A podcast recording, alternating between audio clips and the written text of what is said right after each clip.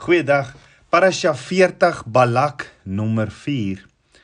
Was jy al ooit op 'n plek in jou lewe waar jy gevoel het dat iemand jou doelbewus probeer seermaak? Of iemand jou dalk selfs vervloek het? Of het jy al ooit gevoel dat sekere mense net uit hul uit hul pad uit sal gaan om vir jou ellende te veroorsaak? So die vraag is, Wat doen jy as jy so aangeval word? Ons almal was al op een of ander tyd daar. En die gedeelte van Parasha van die week gee ons geweldige insig oor hoe dinge werk in die geestelike riem en gee ons ook geweldige hoop vir ons toekoms in Abba Vader. Abba Vader se woord sê egter in Romeine 12 vers 14: Seën die wat julle vervolg, seën en moenie vervloek nie. So ons weet die kinders van Israel is op pad na die beloofde land en in laasweek se gedeelte het ons gesien die kinders van Israel het die Amorite verslaan en is so op pad om die Moabiete se grond te be te betree. Daarom is koning Balak van van die Moabiete vreesbevange deur hierdie groot aantal Israeliete wat hom nader betree. Koning Balak weet dat sy leiers of weermag nie kan staan teen hierdie volk wat se God met hulle is en wat so baie is nie. Koning Balak bewe van die vrees want hy verwag dat die kinders van Israel presies met hom en sy land gaan doen as wat die kinders van Israel met die Amorite gedoen het. So in 'n poging om 'n volskaalse oorlog te voorkom, het hy in kontak gekom met die gewildste heidense profeet in die land, naamlik Biliam. Ons weet Biliam was 'n sterk heidense profeet wat diereoffers en waarsêry gebring het om in die geesteswêreld te konsulteer. Sodoende het hy 'n geloof by die mense in sy omgewing geskep dat hy met die gode kan verkeer en dat hulle dat hy hulle kan manipuleer om dinge so ten gunste van die mense te doen. Natuurlik teen 'n nominale bedrag. Hy werk Hy werk altyd vir 'n ou voetjie. En hoeveel hulle vir 'n profetiese woord kan kry. Want sien die Biliams van vandag is jou palmlesers, die fortuinvertellers en die tarot kaartlesers. Of selfs die wat vinnig iets anders raadpleeg, enige iets anders raadpleeg behalwe Abba Vader oor wat om te doen. Ons het gekyk na Biliam. Maar voordat ons verder gaan, kom ons kyk eers 'n bietjie na koning Balak van naderby. Kom ons kyk of Abba Vader ons nie ook iets uit sy foute kan leer in sy woord nie. So dink daaroor, wat dink jy was koning Balak se eerste fout? Ek meen, wat het hom daartoe gelei om Biliam nogal, hierdie valse profeet, vir hulp te raadpleeg? Balak se eerste fout was dat hy aanvaar het of dat hy vermoed het dat die kinders van Israel met hom sou oorlog voer soos wat hulle gedoen het met die Amorite. Maar wat het nou weer presies gebeur tussen die kinders van Israel en die Amorite? Hoekom was daar oorlog? As ons kyk na die dialoog wat Israel met die koning van die Amorite gehad het in Numeri 21 vers 21 tot 23, dan staan daar en Israel het boodskappers gestuur na Sion, die koning van die Amorite en gesê: "Laat my deur jou land trek. Ons sal nie wegdraai in die lande of in die wingerde nie. Ons sal die water van die putte nie drink nie. Ons sal die konings weghou tot ons deur jou grondgebied getrek het." Maar Sion het Israel nie toegelaat om deur sy grondgebied te trek nie, maar Sion het al sy manskappe versamel en uitgetrek na die woestyn. Israel tegemoet en toe hy by Jahas kom, het hy teen Israel geveg. Ja, die kinders van Israel was nie van plan om met die Amorite oorlog te voer nie. Hulle is net op pad na die beloofde land, Kanaan, wat Abba Vader nog altyd vir hulle het. Maar die Amorite het nie toegelaat dat hulle verbygaan nie en dit is wat die oorlog veroorsaak het of dat die kinders van Israel deur hulle land kon kom om daarby uit te kom nie. So wat is die geestelike beginsel wat ons uit hierdie gedeelte kan leer? Of wat leer Abba Vader ons vandag deur hierdie eerste fout van Balak? Abba Vader leer ons aannames of vermoedes lei altyd tot die dood en vernietiging en vernietig altyd die een wat aannames maak. Wanneer ons iets aanneem, Wanneer ons iets aanneem, skep ons 'n valse werklikheid in ons denke oor wat ons dink aan die gebeur is en begin dan in die werklike wêreld optree volgens wat ons valse werklikheid vir ons gebied het.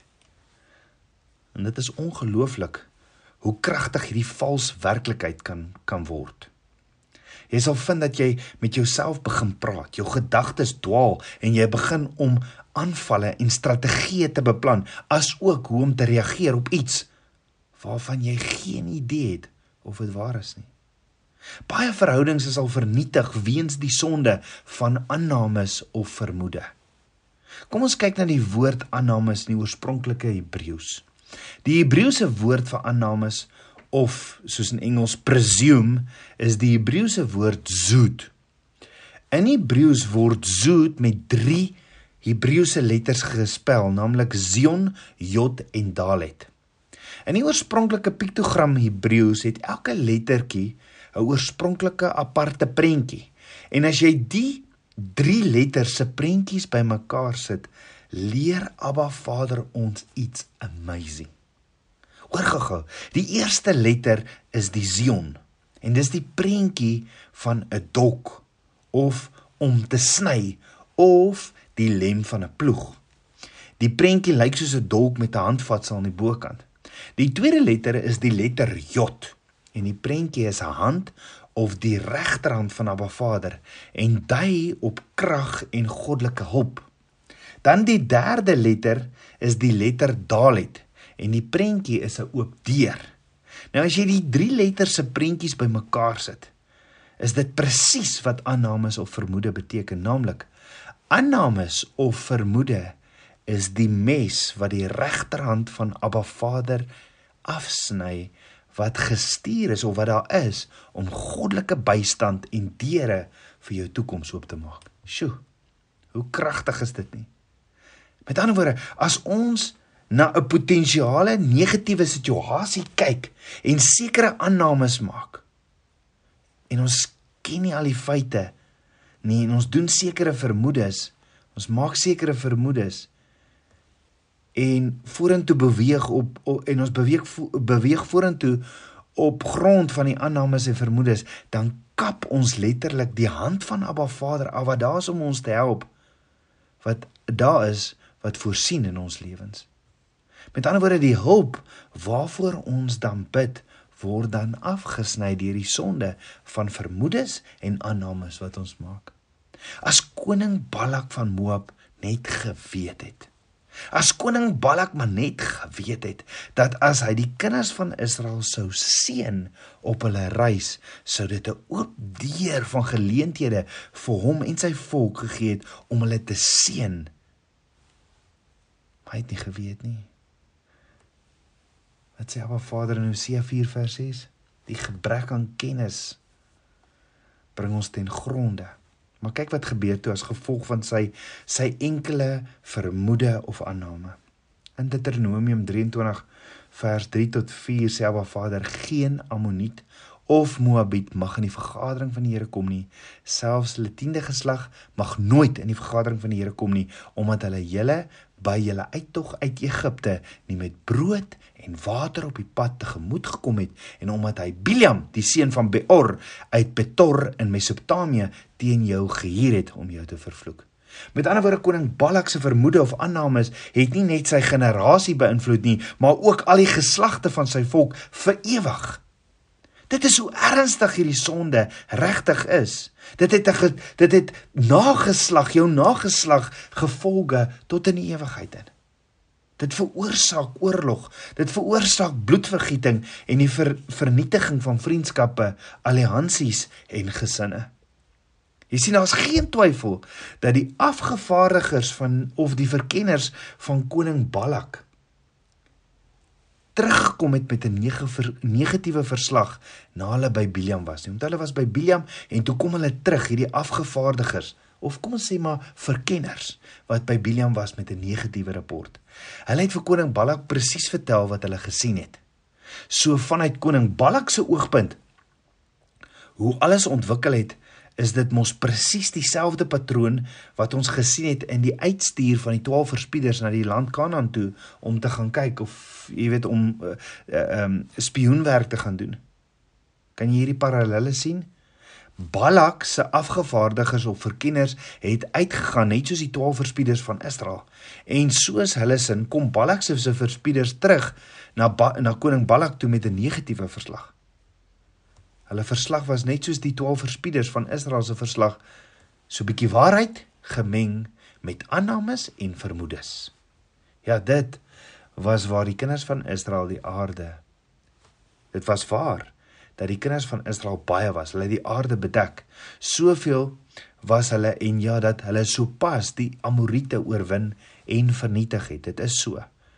Maar Balak se afgevaardigdes of verspieders het dit so stappie verder gevat en aangeneem daar was 'n slegte bedoeling of 'n bose intensie in die harte van die kinders van Israel teenoor hulle.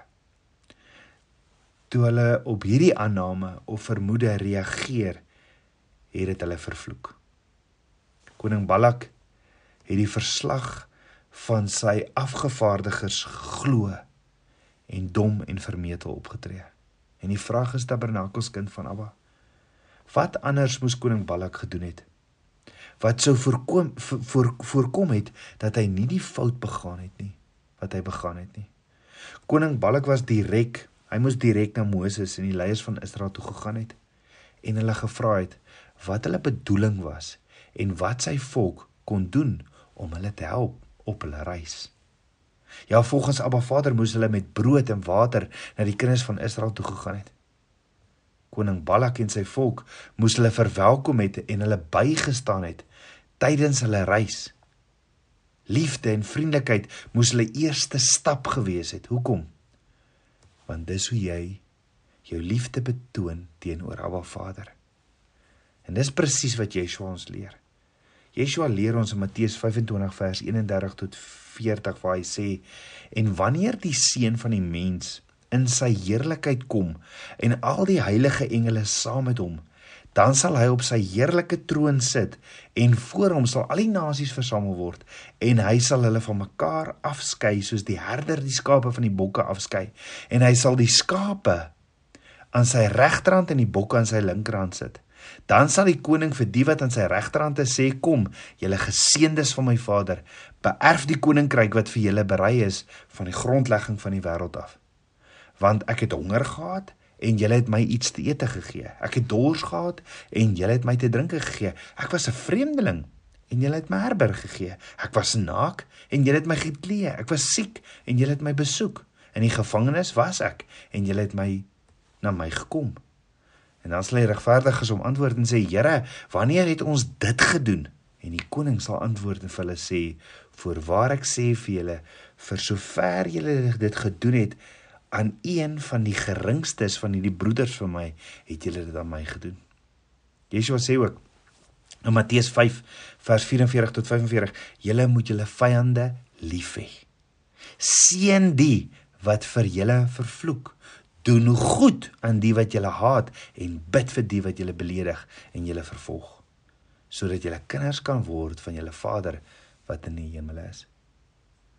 Maar volgens Abba Vader in Deuteronomium moes koning Balak die kinders van Israel verwelkom het en die kinders van Israel op hulle reis bygestaan het. Jy sien net so vandag liefde en vriendelikheid moet altyd jou eerste stap wees. Al is dit vir jou vyand. Koning Balak moes alles in sy vermoë gedoen het om die kinders van Israel te laat weet dat hulle 'n vreedsame volk was en dat daar was om hulle was daar om om op enige moontlike manier die kinders van Israel te dien. Maar Vader se woord sê in Spreuke 15 vers 1: 'n sagte antwoord keer die grimmigheid af, maar 'n krenkende woord laat die troon opkom. Net so Onthou hierdie verhaal van Jakob en Esau. Toe Jakob Esau se broer vir die eerste keer uh, sien sedert hy sy broer se eersgeborene reggestel het. Wat het Jakob gedoen voordat hy Esau na 20 jaar weer van aangesig tot aangesig gesien het? Dis nou na 20 jaar nadat hy Esau se eersgeborene reggestel het. Jakob het eers mos die aand met 'n engel van Abba Vader die hele aand gestoei omdat hy so so bang was vir sy broer en omdat sy broer hom gaan doodmaak. En hy het vir Esau ook met ehm um, van sy dienaars 3 keer vooruitgestuur met geskenke in die hoop dat Esau die oorlog of 'n oorlog sou vermy want Esau kom met 400 man man Jakob aangestap na na Jakob toe aangestap en Jakob is doodbang en hy stuur drie groepe mense uit met geskenke na Esau dit gesê hoor wat sê Petrus in 2 Petrus 2 vers 9 tot 11 die Here weet om die godsaliges uit versoeking te verlos en die onregverdiges te bewaar vir die dag van oordeel om gestraf te word en veral die wat die vlees in vuile begeerlikheid agternaloop en die heerskappy verag vermetel en aanmagtend ag aanmagtigend skroom hulle nie om die heerlike heerlike wesens te belaster nie terwyl die engele hoewel groter in sterkte en krag geen lastering oordeel teen hulle by die Here voorbring nie. Sjoe. So Heilige Gees Ruach leer ons deur Petrus dat die wortel van aannames of die wortel in Engels of presumption is eie willigheid of selfsugtigheid. Met ander woorde, omdat jy volgens die vlees wil wandel, uit hierdie wellust, uit hierdie last om dinge op jou manier te doen en dan uiteindelik as gevolg van 'n gebrek aan gesag. So prakties kom ons dink net hoe werk eie willigheid. Dis hier waar aannames die wil van die ander persoon of die wil van Abba Vader nie in ag neem nie. Die persoon neem slegs sy eie wil in ag. Nou aannames en vermoedes soek nie die oorspronklike bedoeling van die ander party nie. Hy hy doen nie. Hy soek nooit die bedoeling van die ander party nie. En dis waar jy nou keurig die motiewe van die ander persoon betrokke moet ondersoek. In plaas daarvan neem jy wat vir jou lyk asof dit die waarheid is, jy voeg so 'n paar aannames en vermoedes by en dit skep 'n pad wat sy eie willige agenda vooruitstuur wat lei tot vernietiging. En daarom sê Johannes in 1 Johannes 2 vers 16 want alles wat in die wêreld is die begeerlikheid van die vlees en die begeerlikheid van die oë en die grootsheid van die lewe is nie uit die Vader nie maar uit die wêreld. So hoekom nie vandag? Hoekom nie vandag hierdie begeerlikheid van die vlees en die begeerlikheid van die oë en hierdie grootsheid van die lewe by die voete van Yeshua neer lê nie by die voet van die kruis neer lê nie Hoekom nie vandag Papa Vader vra Vader as ek sekere aannames maak was my daarvan help my om om net u waarheid te leer en om nooit aannames te maak nie. Kom ons bid saam. Aba Vader skieper van my hart, Aba ek loof en ek prys U. Vader was my asseblief asseblief Aba van enige begeerlikheid van die vlees en die begeerlikheid van die oë en die grootsheid van die lewe was my van enige eie